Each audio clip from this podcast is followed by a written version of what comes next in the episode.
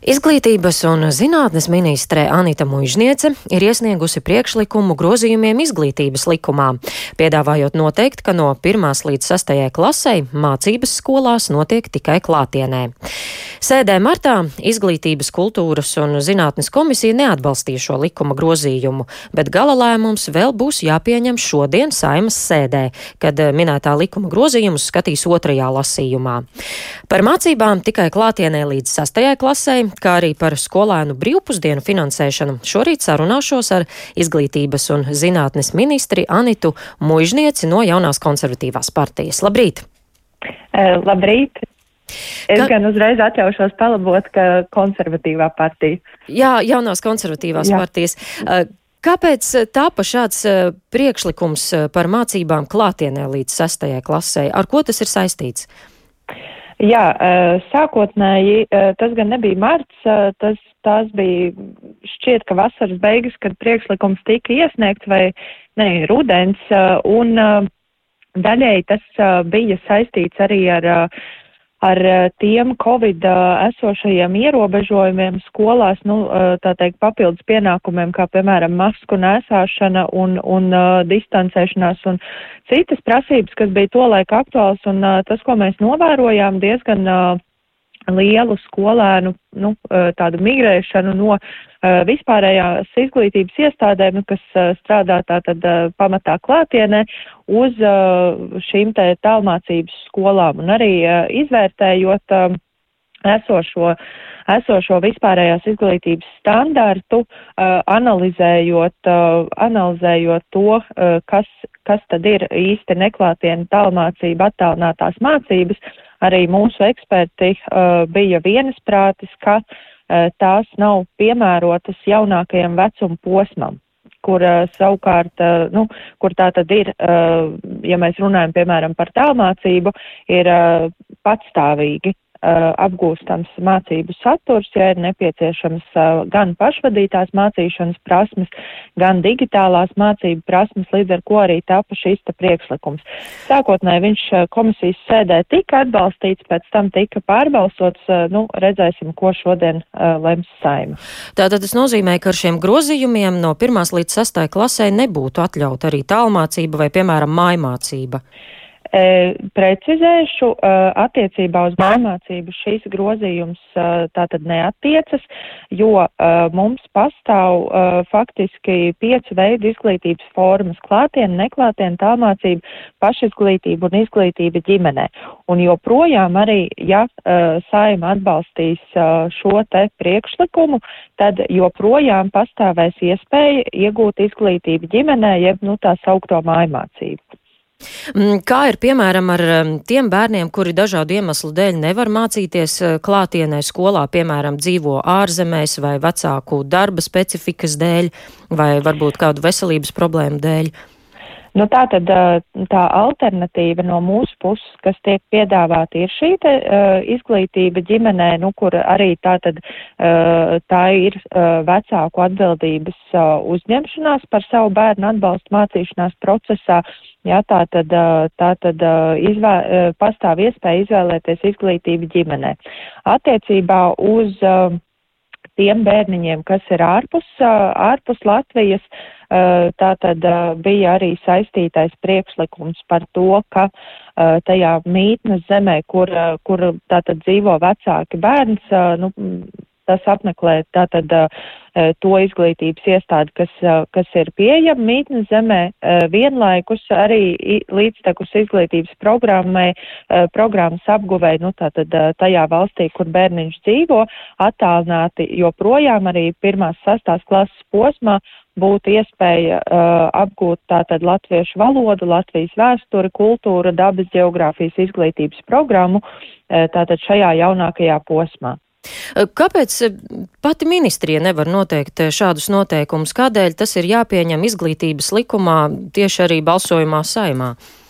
Jā, nu, protams, man kā ministram arī būtu pavisam viegli šo te darīt ar ministru kabinetu noteikumu palīdzību, bet ņemot vērā, ka tieši izglītības likums ir tā vieta, kurā tiek paredzēts tātad izglītības ieguves formas, kuras es jau minēju, līdz ar to tās ir likuma, likuma nepieciešamās izmaiņas. Un kā jūs domājat, vai saima šodien atbalstīs un šos grozījumus pieņems, ņemot vērā, ka iepriekš komisijā noraidīja? Nu, man ir uh, grūti šobrīd uh, prognozēt. Es uh, ļoti ceru, ka saima arī sadzirdēs tos argumentus, kurus attiecīgi saimas sēdē uh, paudīšu vai no es vai mans parlamentārais sekretārs atkarībā no tā brīža, cikos, cikos uh, izskatīs šos te grozījumus. Nu, mēģināsim pārliecināt, un tad jau, nu, demokrātiskā procesā saimai ir tiesības lemt, bet es domāju, ka, ka tie, tie mūsu argumenti ir gana spēcīgi un, un tas lielākais sašutums, kā es saprotu, šobrīd ir tieši šī neizpratne, ko arī uh, jūs pieminējāt par to, ka šķiet un, uh, un līdz galam iespējams šī ziņa nav aiznesta, uh, ka maimācība, jeb izglītība ģimenē joprojām paliks. Paliks kā, kā iespēja arī, arī tajos gadījumos, kad nu, kaut, kādu vienu vai otru apsvērumu dēļ e, nav iespējams apmeklēt e, skolu klātienē. Nu, vēl viens aspekts ir arī pandēmija un covid situācija. Šobrīd gan covid tā kā pierimst, bet e, kas notiks, ja atkal rudenī būs uzliesmojums un atkal būs visiem jāsēž mājās? Vai šie skolēni no 1 līdz 6 klasē tad ies uz skolu jebkuros apstākļos? Nē, nu, es domāju, ka mēs šajā mācību gadā esam pierādījuši, ka arī Covid pandēmijas apstākļos ir iespējams organizēt mācību procesu. Jā, ar vienām, vieniem vai otriem nu, tā teikt, papildus apgrūtinājumiem. Jā, kādā brīdī tas ir attālināts režīms, bet tā nav ne neklātiena, ne tālmācība. Jo tas, kas ir jāsaprot vēlreiz, ja mēs runājam par neklātienes vai tālmācības mācībām, tās ir piemērotas formas vecākajos vecuma posmos, kur, piemēram, Nu, klasisks piemērs mums ir sportisti, ja, kas ļoti lielu laiku daļu un treniņu notiek pa dienām. Nu, tātad viņi patstāvīgi apgūst saturu reizi pa reizei. Nu, tātad ir šī, šis te kontakts ar skolu, bet tas nav piemērots jaunākajam vecuma posmam, kur, kur nu, nu, nav iespējams bērnam pašam sēdēt pie datora, ja, pašam mācīties, un tās noteikti arī nav attālinātās mācības, kādas mēs to piedzīvojām Covid laikā. Tā kā es domāju, ka mēs eh, un, un mēs jau esam parādījuši visu šī mācību gadu laikā, ka ir iespējams mācīties arī Covid laikā un arī skolas primāri mums ir bijušas uh, vaļā. Tā es šeit neredzu nekādas grūtības. Mm. Par skolēnu brīvpusdienu izmaksām um, šis jautājums ir aktualizējies saistībā ar to, ka visam pieaug cenas un šobrīd bez papildu finansējuma skolas vairs nevar uh, atbilstoši un kvalitatīvi paēdināt skolēnus. Un jau Rīgas skolēniem, uh, skolēnu no 5. līdz 12. klasē vecākiem no septembra var nākties piemaksāt par bērna pusdienām. Vai vecāku līdzmaksājums atrisinās šo problēmu? Nu, uh, tas ir komplekss uh, jautājums. Ja mēs uh, tieši runājam par vecāku līdzmaksājumu, mums arī tik tikko ir notikusi starpinstitucionālā sanāksme, kur piedalījāmies gan mēs no izglītības ministrijas, gan veselības ministrija, zemkopības ministrija, pašvaldības savienība, arī vecāku organizācijas un, un šis te līdzmaksājums, nu, faktiski arī kā tāds uh, disciplinējošs pasākums, kaut vai paziņot, būs vai nebūs bērns skolā, ja ēdīs vai neēdīs pusdienas. Uh, Nu, tā tad, manuprāt, ir pieņemama forma, to ir arī norādījušas vecāku organizācijas ka tas būtu skaidrs runājot par uh, septembri. Nu, mums ir uh, esošais budžets un tajā uh, šobrīd papildus līdzekļi nav uh, paredzēti. Vienlaikus uh, šajā te sanāksmē mēs uh, visi, visi klātesošie bijām vienasprātis, ka šī summa eiro 42 šobrīd nav aktuāla un ir jāpārēķina.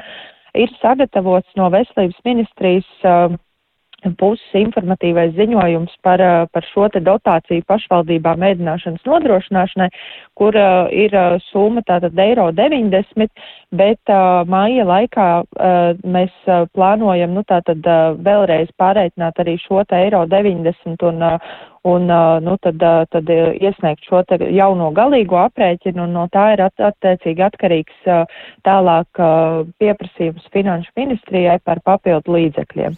Tātad uz nākamā gada budžetu var cerēt uz lielāku finansējumu ēdināšanai? E, nu, tā tad ir vairāki secīgi soļi. Šobrīd maijā mēs plānojam tātad šo te galīgo aprēķinu, saprotot, vai tas būs tas eiro 90 vai, vai piemēram, 2,20, ja, kas arī ir izskanējuši, piemēram, uh, ir, ir pat 3 eiro summa nosaukt, kas solidāri uh, tātad tiek maksāt no valsts un pašvaldību puses.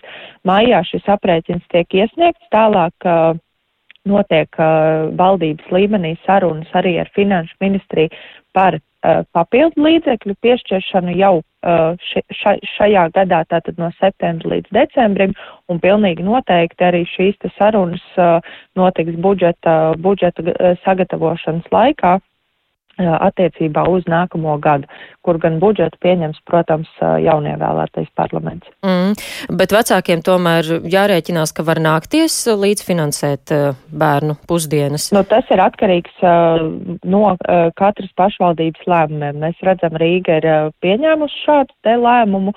Uh, tas tā var būt šāda situācija uz šo brīdi, bet, uh, bet es arī negribētu šobrīd uh, pateikt, ka tas tā visiem būs obligāti, ņemot vērā, ka mēs arī māja mēnesī strādāsim pie šī te jaunā aprēķina.